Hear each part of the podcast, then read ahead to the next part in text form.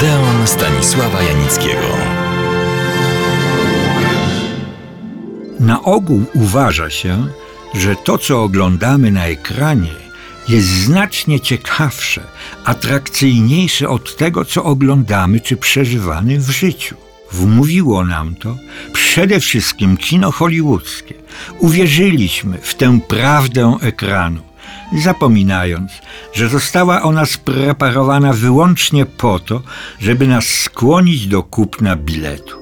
Ale nie mechanizmy wyciągania pieniędzy z naszych kieszeni mnie tym razem interesują, tylko owo poniekąd powszechne przekonanie o wyższości ekranu nad życiem. Posłużę się konkretnym i typowym przykładem.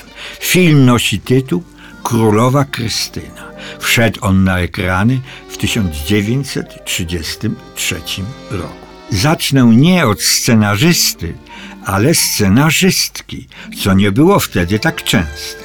Była nią Salka Firte, bardzo ciekawa postać, urodziła się w 1889 roku w Samborze. Tak na marginesie, to miasto należało dwukrotnie do Polski. Po raz pierwszy od roku 1349 do 1772, po raz drugi od 1912 do 1930 roku. Pani Salka pochodziła z rodziny artystycznej, a wśród grona jej wielbicieli i małżonków był również Polak, Zygmunt Steuermann, piłkarz grający w reprezentacyjnej drużynie polskiej.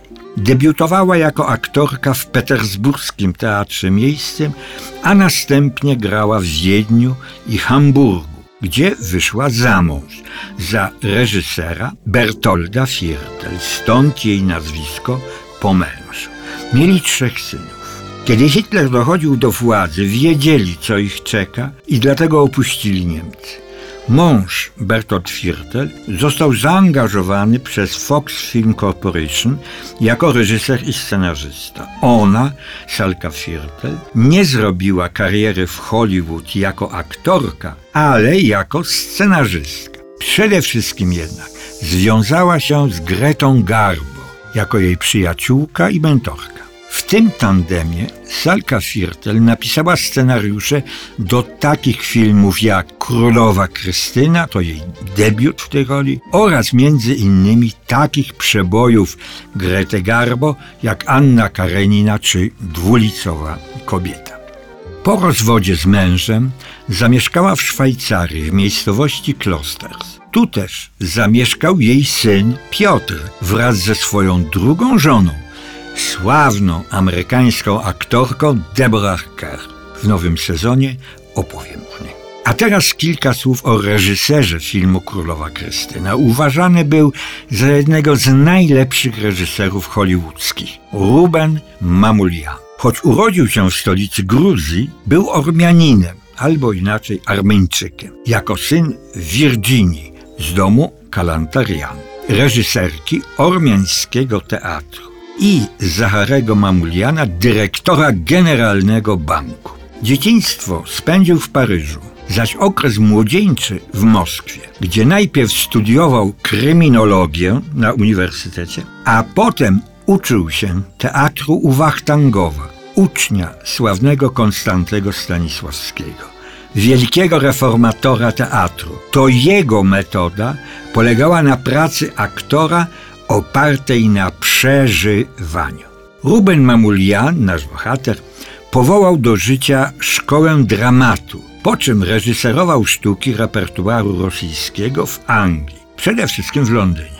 W 1923 roku przybył do Ameryki, gdzie przez trzy lata reżyserował opery i operetki. Jego największym sukcesem i osiągnięciem była nowoczesna inscenizacja opery musicalu Porgy and Bess. Od tej pory weszła ona do żelaznego repertuaru scenicznego. Sukcesy Mamuliana musiały zainteresować władców Hollywoodu. I tak w roku 1929 zrealizował swój pierwszy film Aplauz. Już w tym filmie uwolnił kamerę która od tej chwili przestała być dodatkiem do statywu i zaczęła żyć własnym życiem. Spośród zrealizowanych przez Mamuliana filmów wymieniłbym przede wszystkim Doktora Jekylla i Mr. Hyda, Znak Zorro, Krew na piasku, Pieśń nad pieśniami, Becky Sharp, Letnie wakacje i Jedwabne pończoszki.